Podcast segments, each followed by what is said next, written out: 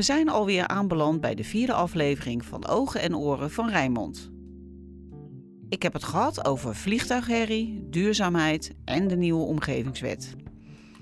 Ik heb gesproken met de directeur van Decimer en met collega's van Toezicht en Handhaving, de Meldkamer en het Toezichtslab. Bewoners, een bedrijf en de wethouder van Landsingerland hebben verteld wat zij van Decimer vinden. De spagaat waar Decimer zich soms in bevindt en de rol van het zogeheten bevoegd gezag zijn aan bod gekomen. Allemaal om de vraag te kunnen beantwoorden wat jij aan Decimer hebt. Maar het verhaal is niet compleet zonder een gesprek met de gedeputeerde van de provincie Zuid-Holland, Frederik Zevenbergen. En een nauwkeurige blik op een gevoelig dossier in de regio, de aanleg van de A16 Rotterdam.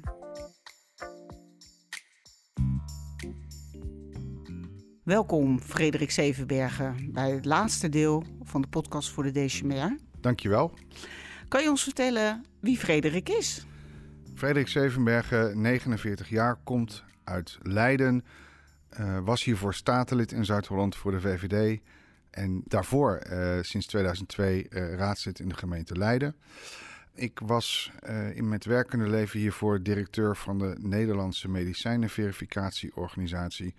Een stichting die Europese wetgeving uitvoert met betrekking tot de veiligheid van medicijnen. En als hobby maakte ik podcasts. Kijk, er zit dus iemand tegenover mij die daar heel veel ervaring in heeft. Nou ja, als, als politicus heb je ervaring met praten en een podcast is uh, vooral praten. Inderdaad. En wat is een gedeputeerde? En wat houdt de functie in? Ja, ik krijg die vraag uh, wel vaker. Uh, je kan het vergelijken met een wethouder of, of minister, zo je wil, uh, van de provincie. Oké. Okay. Wat is jouw doel als gedeputeerde? Of weet je dat nog niet, want je bent nog net gedeputeerde, een paar maanden. Nou, als, als nieuwe gedeputeerde is je doel vooral overleven. Uh, blijven, blijven boven het water blijven. um, nee, natuurlijk heb je wel, wel ideeën, richtingen die je op wil. Um, ik ben Floor Vermeulen opgevolgd, ietsje over de helft van de termijn. Dus um, je, je, je gaat niet hele grote nieuwe dingen meer plannen. Uh, tenminste, uh, die je dan zelf ook nog gaat openen of waar je mee aan de slag gaat.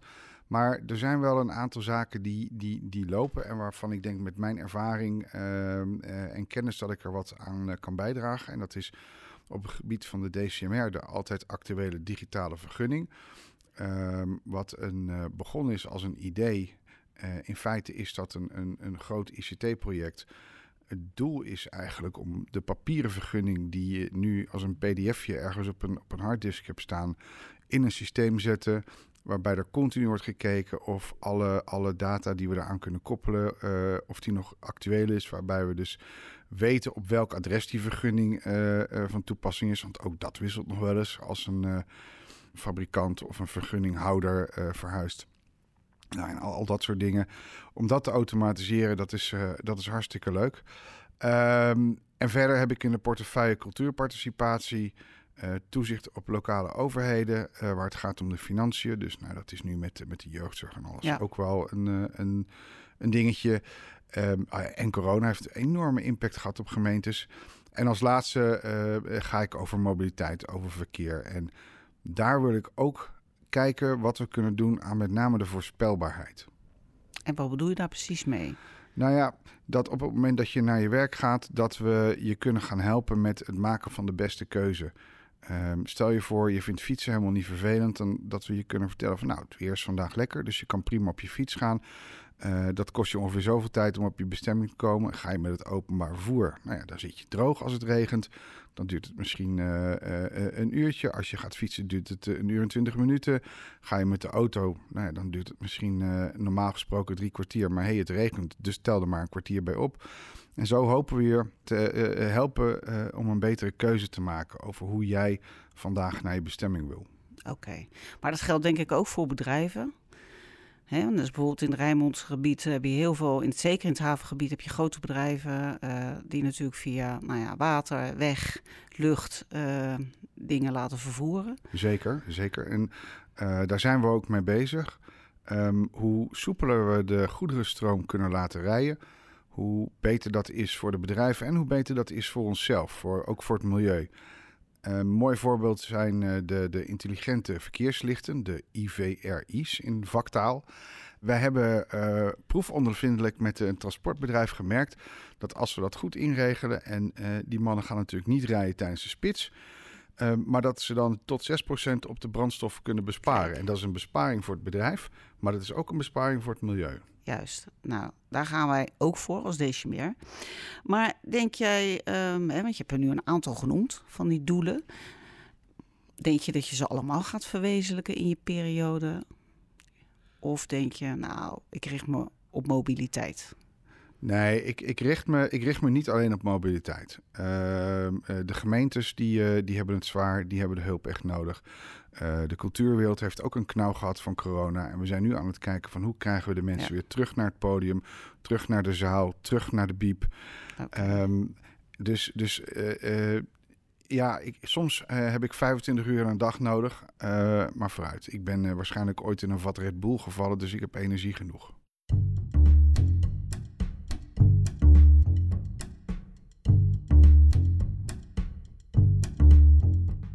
Ben je voor het eerst in aanraking gekomen met deze?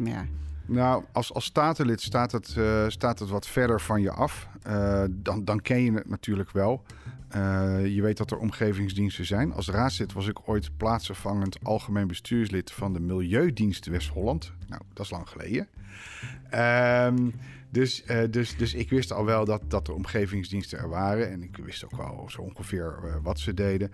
Maar op het moment dat je gedeputeerde wordt en als gedeputeerde ook gelijk penningmeester bij de DCMR, dan ga je, dan ga je de dienst eigenlijk beter leren kennen.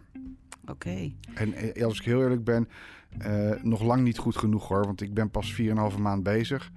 Dus, uh, het komt vanzelf, uh, Ja, Frederik. en door corona was een bezoek op locatie lange tijd ook lastig. Ja. Nee, maar goed, dat gaat vast. Zeker. En ik begrijp, binnenkort komt ook onze directeur kennis maken. Ja. Dus ik denk dat dat wel van lieverlee groeide in, denk ik. Rosita en ik spreken elkaar en we nemen dit op op, een, op een donderdag in oktober. wij spreken elkaar morgen voor het eerst fysiek. Kijk. Hey, en Frederik, hoe ga jij de bestuurdersfunctie als penningmeester, maar ook nou ja, misschien breder invullen bij Decimer? Ja, ik ben bezig om te kijken wat we, wat we kunnen doen als uh, DCMR samen met de andere omgevingsdiensten bijvoorbeeld dingen als back-office. Um, ja. Hoe kunnen we uh, zorgen dat de mensen die uh, voor ons werken zo min mogelijk worden belast met allerlei secundaire of tertiaire taken, maar dat we de ogen met z'n allen zo, zo vol mogelijk op de bal kunnen hebben. Want de uitdagingen voor de, voor de DCMR zijn groot. Het gebied wat ze bestrijken is fors. Heel veel bedrijvigheid, heel veel vergunningen. En tegelijkertijd ook een steeds kritischere maatschappij als het gaat om, ja, om, om, om de veiligheid. Laten we kijken of er, of er daar winst te boeken is. En winst als in maatschappelijke winst. Dus uh, hoe minder tijd iemand bezig hoeft te zijn naast zijn werk met het, uh, het fixen van een laptop voor een collega, hoe meer tijd hij heeft om, of zij heeft om. Uh, om naar, naar een inspectie te gaan. Overigens uh, is het werven van voldoende personeel natuurlijk ook een enorme uitdaging voor, voor de DCMR. Ja, dat klopt. Momenteel is het heel moeilijk om mensen ja. om binnen te krijgen. Um, wat is het belangrijkste dossier voor jou op dit moment? Nou, waar, waar ik een beetje van, waar ik, waar ik gezegd van schrok, is. Um, ik kwam uit de, uit de, de deels farmaceutische wereld. En uh, ik kreeg een overzichtje te zien van, nou, uh, zoveel uh, procent van de bedrijven, daar is echt iets mis. daar zit zware handhaving op en dat was maar een heel klein percentage. En dan, dan, dan een iets groter percentage, nou, daar moeten we toch nog eens een keertje naar kijken. En dan best wel een groot percentage met bedrijven waar het gezegd van, je, nou ja, niet alles op, op, op papier klopt, klopt helemaal. En dat zijn meer administratieve dingetjes. Maar dan denk ik van, ja, hoor eens even, dat hoort niet. Dat nee. moeten we niet hebben. Natuurlijk, je kan zeggen, de, de situatie is, is, is volledig veilig. De processen zijn onder controle. Uh, maar uh, op het ene formuliertje waar uh, de naam van, van de operator moet staan, staat Pietersen. Maar ja, die is een half jaar geleden gestopt en er moet nu Jansen staan. Kijk, ik begrijp dat dat soort dingen soms blijven liggen. Maar tegelijkertijd is dat ook een teken aan de wand van hoe wordt er in die organisatie gedacht over, over deze dossiers. Dus okay. um, dat is wel iets en dat heb ik ook, ook aangegeven bij echt een van mijn eerste vergaderingen. Dat ik, dat ik dacht van jeetje jongens, dat is, dat is toch best wel hoog. Wat kunnen we nou doen om te zorgen dat het, uh, dat het goed geregeld is? Hey, en wat denk je dat inwoners het uh, belangrijkste dossier vinden? Ja, inwoners worden natuurlijk dagelijks geconfronteerd met uh, berichten in, uh, in de media over de uitstoot van, uh, van gevaarlijke stoffen, van benzine, van PFAS, et cetera. Die zitten daarmee, die denken van wat is er aan de hand? Heb ik daar ook last van? Is het bij mij wel veilig. En ehm, dat kan ik me heel goed voorstellen. Tegelijkertijd hebben wij de opdracht om te zorgen dat de omgeving veilig is. En uh, dat doen we ook. Ja. Hey, wat doe je als deze meer de provincie een advies geeft waar jij het niet mee eens bent? Ja, uh, Wat, wat, nou ja, op zo'n moment het is natuurlijk heel lastig omdat je, dat je niet zegt wat het advies is. En als ik, als ik denk dat de DCMR gelijk heeft en de provincie niet, dan ga ik hier het gesprek aan en andersom uh, bij de DCMR. Uiteindelijk, ja, het, het, zijn, het zijn twee petten die, die moet je zoveel mogelijk kunnen scheiden. Dat zal ondanks de beste bedoeling van en ieder altijd wel op een moment lastig zijn. Ja. Maar dan zal ik me heel bewust zijn van het podium waar ik ben en vanuit dat podium reageer. Dus bij de DCMR als penningmeester. Maar als de DCMR daar dingen doet die volledig ingaan tegen wat de provincie wil, dan zal ik niet nalaten om me daar te zeggen van nou jongens. Dat lijkt me heel onverstandig. Ja, oké. Hey, en wat gebeurt als de DCMR de provincie op de vinger stikt? Nou ja, ik heb niet de DCMR, maar uh, een andere omgevingsdienst was betrokken bij een toezichtsactie op een, uh, een van mijn dossiers vanuit bereikbaarheid. En uh, deed daar onderzoek naar uh, de gebruikte bouwmaterialen waar, waar veel om te doen was. En ja, dat, dat, dat kan en dat moet. en dat hebben we gelukkig ook gescheiden. Dus dat viel onder een andere gedeputeerde. Gelukkig kwam eruit dat, er, dat alles volgens de normen en volgens de regeltjes werd gedaan. Uh, maar ja, als dat niet, uh, niet zo gedaan was, dan, uh, dan hadden wij inderdaad een vingertikking moeten ondergaan. Nee, maar dan, dan, dan, dan hadden we de boel moeten regelen. Maar dan hadden we ook moeten kijken van hoe is het nou gekomen dat we dat ja. niet hebben gedaan zoals het moet. En hoe gaan we dat voorkomen? Maar je zat er wel heel erg voor open om op die manier de zaken aan te zwengelen, uh, te bespreken en tot oplossingen te komen, toch? Ja, natuurlijk. Maar wat wij aan, aan, aan, aan inwoners en bedrijven vragen om, om te voldoen aan regels, dat geldt natuurlijk ook voor ons. Ja. Juist okay. voor ons.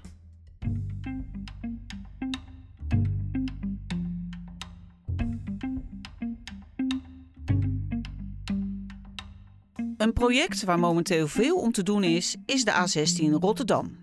Een 11 kilometer lange snelweg die de A16 bij het Terbrechtseplein gaat verbinden met de A13 richting Delft. Deze zogeheten groene boog gaat door het lage Bergse bos en langs het Schiebroekse park richting het vliegveld.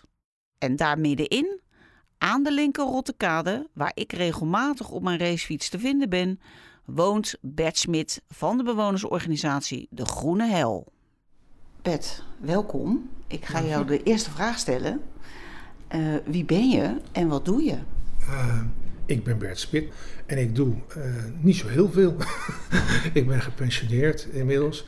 Ik had vroeger een reclamebureau waar we hele leuke klanten hadden, van, van Dell tot Shell en van Madurodam tot aan de Efteling. Maar ook bijvoorbeeld Rijkswaterstaat. Dat was een hele leuke baan tijd geleden mijn bureau verkocht. En sindsdien met allemaal leuke dingen bezig. Uh, voor vrienden, uh, voor mezelf. Uh, andere bureaus een beetje helpen hier en daar. Hey, en um, wat is de Groene Hel? Nou, de groene... Hoe kom je eigenlijk aan die naam? ik ben enorm geïnteresseerd in autoracen. Ik ben geïnteresseerd in alles wat met auto's te maken heeft. En een hele belangrijk circuit bij autoracen is op de Nürburgring. Zelf ook wel eens gereden. En dat wordt de groene hel genoemd, omdat het dwars door een heel groot groen bos heen gaat. Een heel groot slingerend lint van asfalt door uh, een van de meest uitdagende circuits in de wereld. Altijd geweest en nog steeds. Alle fabrikanten van auto, uh, grote automerken testen daar hun nieuwe auto's. Uh, ik woon hier wel heel mooi, maar vlak naast de aanleg van de A13, A16, nu tegenwoordig A16 genoemd. En dat is 100 meter verder. En uh, dat is net zo'n uitdagend project voor mij geworden. Uh, ik noem het de hel, omdat uh, de geluidsoverlast verschrikkelijk is geweest de afgelopen anderhalf jaar. Het is nu net een paar maanden wat rustiger, maar door het inheien van de damwanden met onnodig veel geluidsoverlast, tot wel 108 decibel, is het wonen hier een, een, een hel geworden. En dus een groene hel, want ik zit hier midden tussen de bossen in.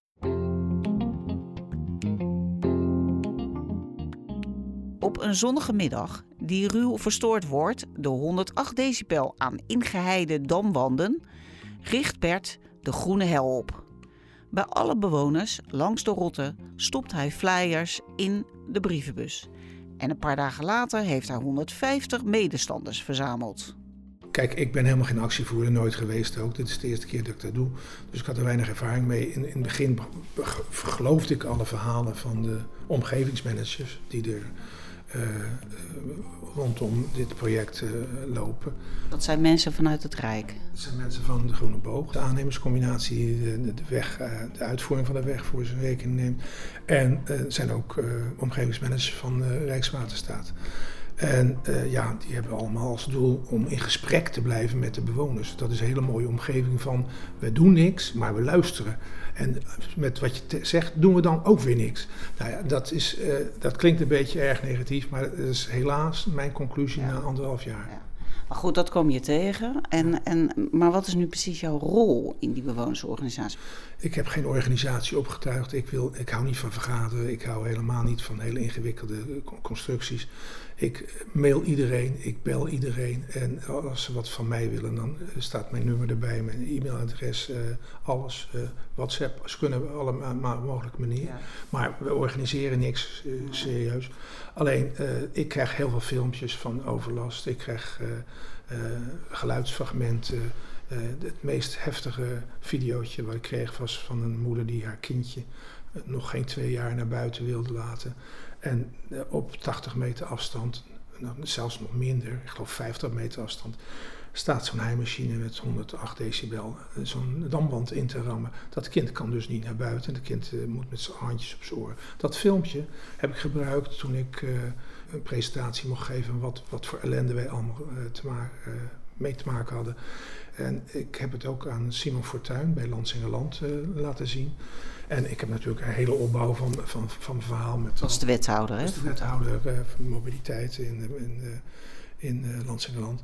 Ik heb natuurlijk een hele opbouw met wat we allemaal gedaan hebben... en wat allemaal beloofd is en wat allemaal niet uitgekomen is. Maar zo'n filmpje, dat, dat zegt dan toch meer dan al die mooie sheets die ik ja. daarvoor liet zien.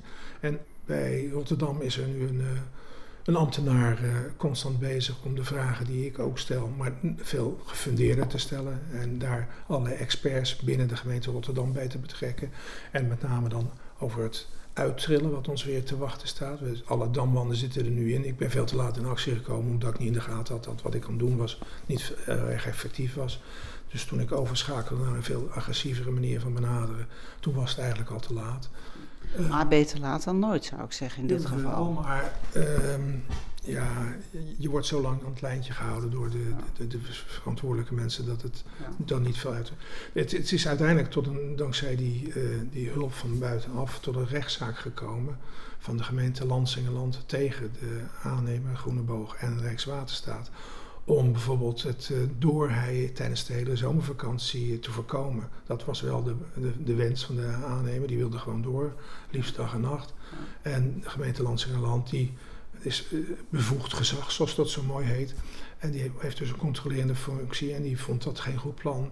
Dat werd een rechtszaak. Nou, daar, uh, daar werd ik overigens voor het eerst met deze geconfronteerd, want daar was een collega van jullie ja, want je kende de Decimer daarvoor nou, niet dat echt. Is helemaal waar. Ik, ik had wel eens, uh, ik had natuurlijk toen ik begon en hier 108 decibel in de tuin gemeten werd, had ik in, in wanhoop allerlei instanties gebeld. Uiteraard de Groene Boog zelf, Rijkswaterstaat, allerlei omgevingsmanagers gebeld. Nou ja, dat met bekend resultaat, nul.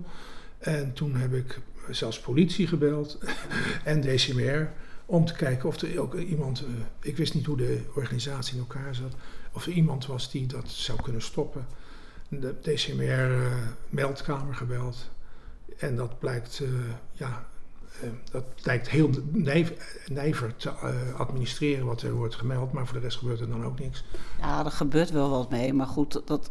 Niet voor mij waarneembaar niet voor jou waarneembaar, dat, dat niet. Maar wij zijn op een gegeven moment wel betrokken geraakt. Ja, dat klopt. Uh, toen, uh, wat, wat, ik achteraf begreep, is deze meer al die tijd al betrokken bij uh, de metingen die door Lansing Land worden aangevraagd. en als bevoegd gezag moeten zij kijken of die aanvragen kloppen. En dat, ik heb nu begrepen dat Decimeer dat dus voor ze doet.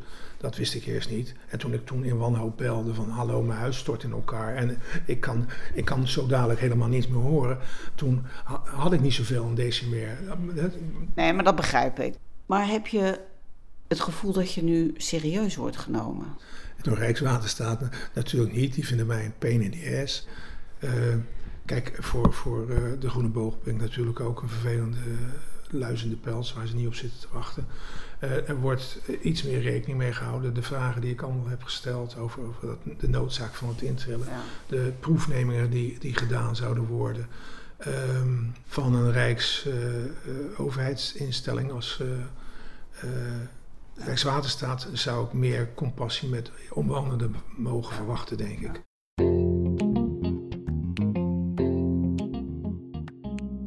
En maar Bert, ik wil je wat vragen. Um, wat heb jij aan Dechemer?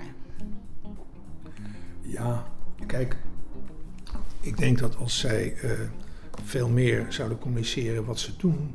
Ik, moet, ik heb nu, toen ik op zoek was naar een telefoonnummer wie je moet bellen, ben ik gaan zoeken. Ik wist vanuit uh, de vliegtuigenoverlast die we hier ook hebben, hè, we zitten in een heel gezellige buurt. uh, wist dat deze meer bestond. Uh, alle ontwikkelingen rond uh, 16 over, wat tegenwoordig heel, heel andere naam heeft die ik wil, niet wil gebruiken.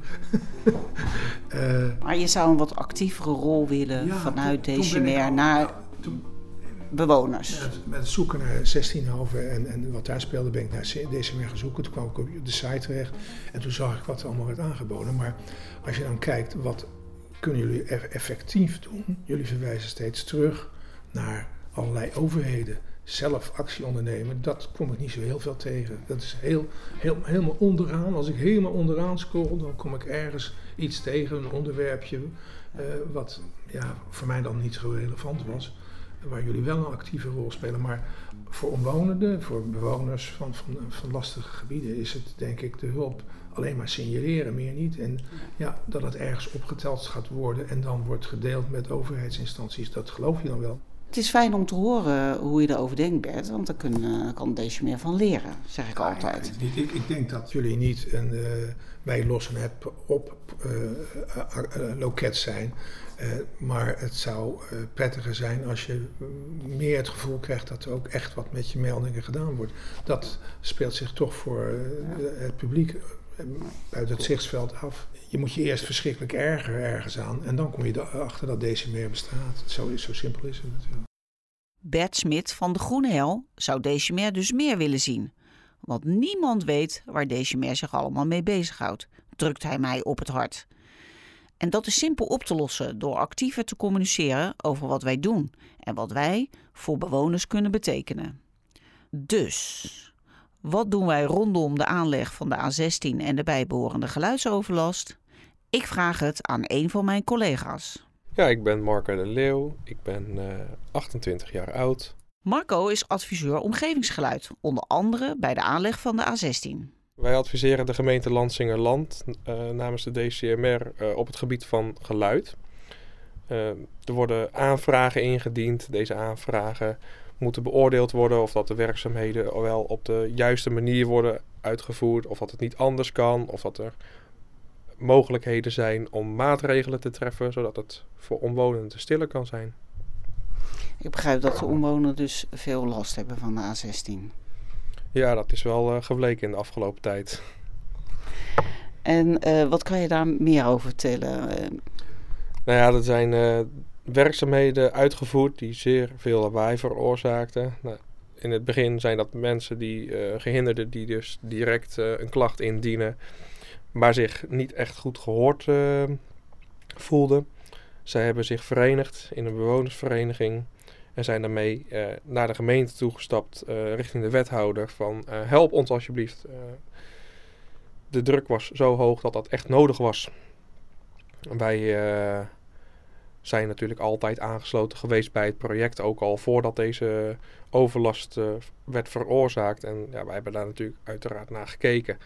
wij hebben daar op geanticipeerd om te kijken van kunnen we daar maatregelen treffen. Alleen bij sommige werkzaamheden is dat gewoon ja, nagenoeg niet mogelijk. Uh, er zijn mogelijkheden, maar dan waait het weer te hard, waardoor dat het niet ingezet kan worden. Of, uh, ja, er zijn zoveel factoren afhankelijk of dat uh, een maatregel toegepast kan worden.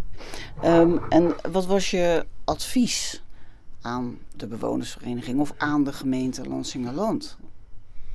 Ja, er zijn inmiddels al heel veel adviezen geleverd. in de tijd dat ik erbij ben betrokken vanaf juni 2020 uh, eh, denk ik dat we al op een uh, 25 adviezen zitten. Ze zijn altijd gericht op geluidvermindering. wij kijken ernaar van nou, waar kan geluid gereduceerd worden. Um, dat is een samenwerking met de gemeente, maar ook gewoon in, in goed overleg met de uitvoerende partij. Want ja, die aannemer moet het uiteindelijk toch gaan doen. Zij uh, hebben dan uh, maatregelen opgelegd gekregen vanuit uh, het bevoegd gezag, de gemeente Lansingerland. Maar het is natuurlijk niet altijd makkelijk. Het zijn belangenafwegingen die we moeten maken. Iedere bewoner heeft weer net een ander belang. De uitvoerende partij heeft een belang, de gemeente heeft een belang. Dat is best lastig. We zitten op een lijn waarin dat we zeggen van we zijn echt aan de beterende hand. Uh, we, hebben voorlopige voorzieningen gehad. We hebben een bezwarencommissie zijn we afgeweest. Uh, allemaal geen leuke dingen. Het is de rechtsgang bewandelen is gewoon niet altijd leuk. Maar wel een weg naar beter. Als ik dan uh, de inzet uh, heb geleverd en dan ook nog uh, door de wethouder, meneer Fortuyn, op de hoogte gebracht wordt dat de inzet wordt gewaardeerd en dat je dus op, de goede, op, op het goede pad bent, ja, dan doet dat wel wat. En dan denk je toch wel van onze inzet, die is dus wel effectief. Het is en blijft een dilemma. De een zal zeggen dat er meer asfalt nodig is om al het verkeer aan te kunnen. De ander ziet boom na boom gekapt worden in een gebied waar de natuur het al moeilijk genoeg heeft. En een derde persoon, de niet helemaal gelukkige omstander, is vanuit zijn werk betrokken bij dit project en doet wat hij kan met alles wat er op hem afgevuurd wordt. Of zijn werkgever nu bouwcombinatie De Groene Boog of Dechemer heet. De ruimte die we in Nederland hebben is schaars en we willen er heel veel verschillende dingen mee. Koppel daar dan ook nog stikstof, luchtkwaliteit, biodiversiteit en klimaatverandering aan en het dilemma is compleet. Maar de strijd om de aanleg van de A16 is nog lang niet gestreden. Wat is voor Bert nu de volgende stap? Nou kijk, uh, uiteindelijk uh, wennen we wel aan die snelweg. En daar hebben we ons natuurlijk lang geleden al bij, uh, bij neergelegd. Ik, ik, had ook kunnen gaan verhuizen en dan had ik altijd die pijn in mijn hoofd. Nee, je woont veel zo mooi, Bert, nee, heb ik nu gezien. Nee, maar goed, dat geldt dus voor al die mensen hier. We wonen hier fantastisch op loopafstand van een bos. de Rottermeren op een, een, kwartiertje peddelen. Dus ja, dat, dat je wil je niet graag kwijt. Maar als, als die snelweg eenmaal ligt dan is die ellende wel geleden. Uh, want uiteindelijk hebben de bewoners er ook voor, uh, voor, kunnen zorg dragen dat er een tunnel kwam. Het oorspronkelijke plan was een open bak. Uh, dwars door het bos heen. Nou, daar is zo verschrikkelijk veel protest tegengekomen dat het nu een lange tunnel is. Die, tunnel heeft weer heel veel uh, heiwerk tot gevolg gehad. Dus het is, je kan zeggen onze eigen schuld. Dat vind ik niet helemaal waar, want dat hei had ook zonder al het geluid gekund. Mijn grootste zorg nu is het uittrillen van die damwanden. Uh, het intrillen van die damwanden was al een waanzinnige drama. eh, niet even 10 minuten 108 decibel, nee, hele dagen lang. En niet alleen hier op 100 meter afstand, maar tot in Onnoord, Ja. 300, 400 meter Nee, verder. maar dat begrijp ik. Maar blijft Datzelfde, datzelfde probleem gaat zich met het uitschillen van die damwanden ook weer voordoen. Nou, daar gaat de strijd nu over. Daar ben ik met, eh, eh, met beide gemeentes weer over in gesprek. En ook met de Rijkswaterstaat en met Ja. eh, de Groene Boog. Om dat op een andere manier te doen. En daar is dus ooit de afspraak gemaakt. We gaan een testen doen met het... eh, je hebt silent piling, heet dat. Dan kun je dus zonder dat je trilt, gewoon die dingen eruit trekken. Dit is veengebied, hè, dus eh, een beetje sterke kerels, twee, trekken ze er ook uit. Maar dat terzijde. Ik heb me er erg kwaad over gemaakt, dat merk je. bed niet doen. Nee, dat heb ik veel te veel gedaan. Ja, nou, ik wil je hartstikke bedanken. Oké, veel succes jou met je werk. Dankjewel. Terug naar gedeputeerde Frederik Zevenbergen. Hij heeft mobiliteit in zijn portefeuille. Waarom is dat stuk A16 eigenlijk nodig? Ik kan me heel goed voorstellen dat als je naast die bouwput eh, woont, dat dat, eh, dat dat ontzettend vervelend is. Ehm, Ja, eh, soms op 50 meter. Ja, ik, ik, ben, ik, ben, ik ben op bezoek geweest daar. Dat is echt, dat, dat zit echt, ja. In, in Nederland en zeker in de Randstad is zo, zo druk bevolkt. Het is hier ook nooit meer rustig. Het is hier nooit meer stil. En elke, elke bouwproject wat we doen, daar gaat iemand last van hebben. Tegelijkertijd is dit wel de plek waar mensen willen wonen, waar mensen willen werken, eh, waar mensen willen zijn. En eh, dat laten de files op de A13, op de A16, op de A20 elke dag eh, zien.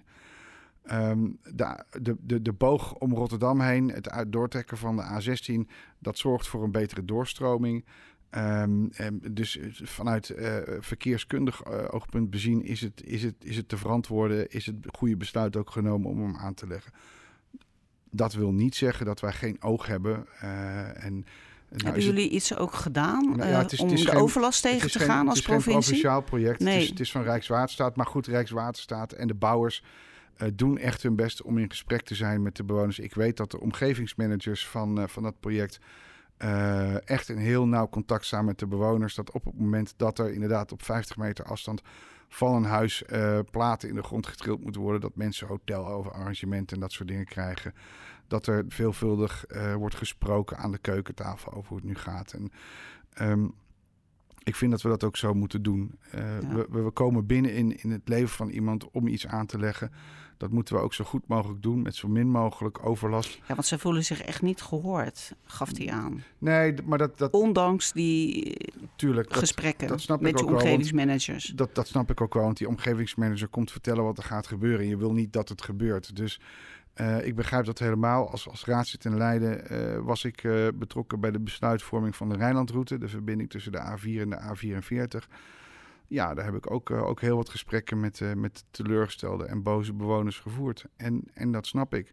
Tegelijkertijd kijk ik vanuit mijn verantwoordelijkheid als raadslid en nu als gedeputeerde naar het grotere geheel. En dan zie ik dat, dat voor de bereikbaarheid van het hele gebied deze route nodig is. Oké.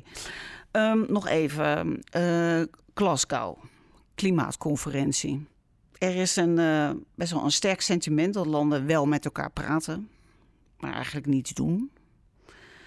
Queen Elizabeth heeft dat ook eh, verwoord. Ehm, hoe denk jij bij te dragen aan de bescherming van het klimaat? Nou ja, ik denk dat het vooral eh, belangrijk is dat we een beetje bewust worden van, van dat alles wat we doen en wat we eh, misschien soms ook eens kunnen laten een, een, een bijdrage heeft aan, aan hoe het gaat. Maar omdat klimaatverandering een, een heel sluipend iets is, is het voor veel mensen een ver van mijn bedshow. Ja. Ehm, als je zegt van nou, het klimaat in, eh, in Den Haag is hetzelfde als dat in Lille was eh, 15 jaar geleden, is hetzelfde als dat in Parijs was 30 jaar geleden. Dan kijken mensen een beetje glazen aan en zeggen nou, eh, van de winter verhoord dat het kraakte.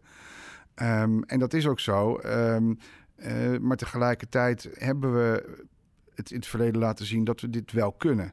Toen zure regen echt een probleem aan het worden was en gewoon aantoonbaar, toen hebben we met elkaar wel kunnen zeggen: oké, dan moeten we daar wat, eh, dan moeten we daar handelingen op gaan onder, ondernemen. Dat, dat hebben we ook gedaan, dat hebben we voor elkaar gekregen. En ik denk dat het nu belangrijk is eh, dat we aan het publiek inzichtelijk maken van dit is het gevolg van wat je doet.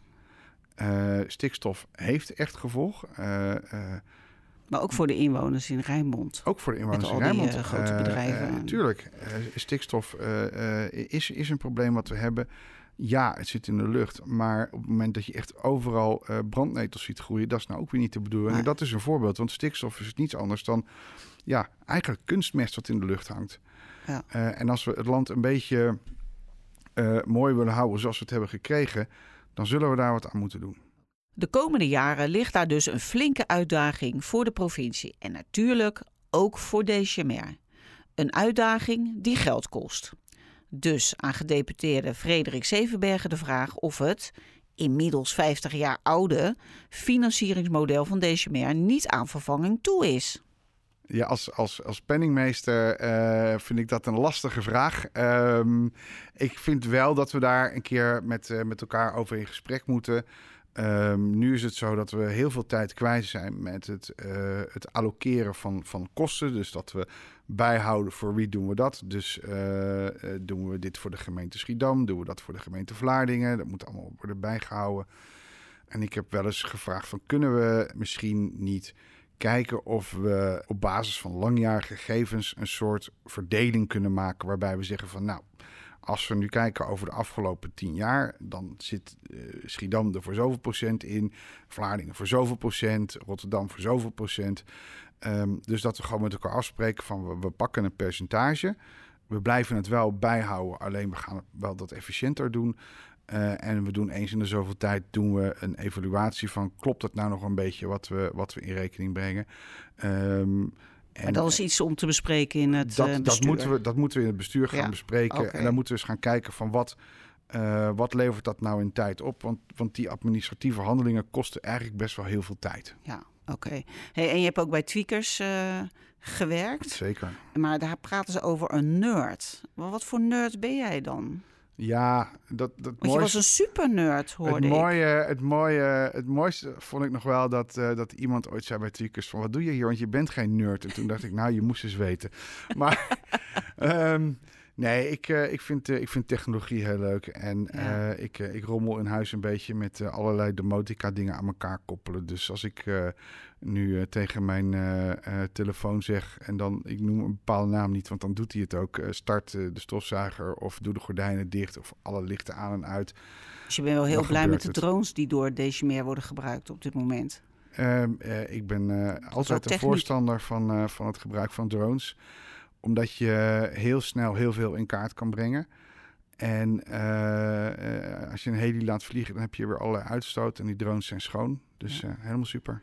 Nou, Frederik, hartstikke bedankt voor de laatste, in het laatste deel dat je aanwezig bent geweest. En succes als gedeputeerde Dankjewel. graag gedaan. en als bestuurder voor de Decimer. dank. En wie weet, tot ziens in een vervolg van deze podcast. Dat hoop ik echt. Dankjewel. Tot gauw. Decimer is er dus voor bewoners. Maar zij zijn daar lang niet altijd van op de hoogte. En de kans is groot dat als je als bewoner al weet wat Decimer doet, je niet weet dat de gemeente of provincie waar je het wellicht niet mee eens bent, eigenlijk de opdrachtgever is van Decimer. En dat is soms een moeilijke plek om ons evenwicht te bewaren. Hopelijk heeft deze podcast verhelderd wat jij aan de Decimer hebt. Maar uiteraard zullen wij op allerlei manieren en op tal van terreinen actief blijven communiceren over wat wij voor jou kunnen doen. Dit was de voorlopig laatste aflevering van Ogen en Oren van Rijnmond. Maar bij Decimer zijn wij nog lang niet klaar met het maken van podcasts. Dus houd het kanaal in de gaten voor nieuwe afleveringen en series. Als je je abonneert, krijg je automatisch een melding als er een nieuwe aflevering is. Deze podcast werd gemaakt door mijzelf, Ellen Schouw, voor Decimer Milieudienst Rijnmond. Begeleiding en montage Astrid Cornelissen. De muziek is van Blue Dot Sessions.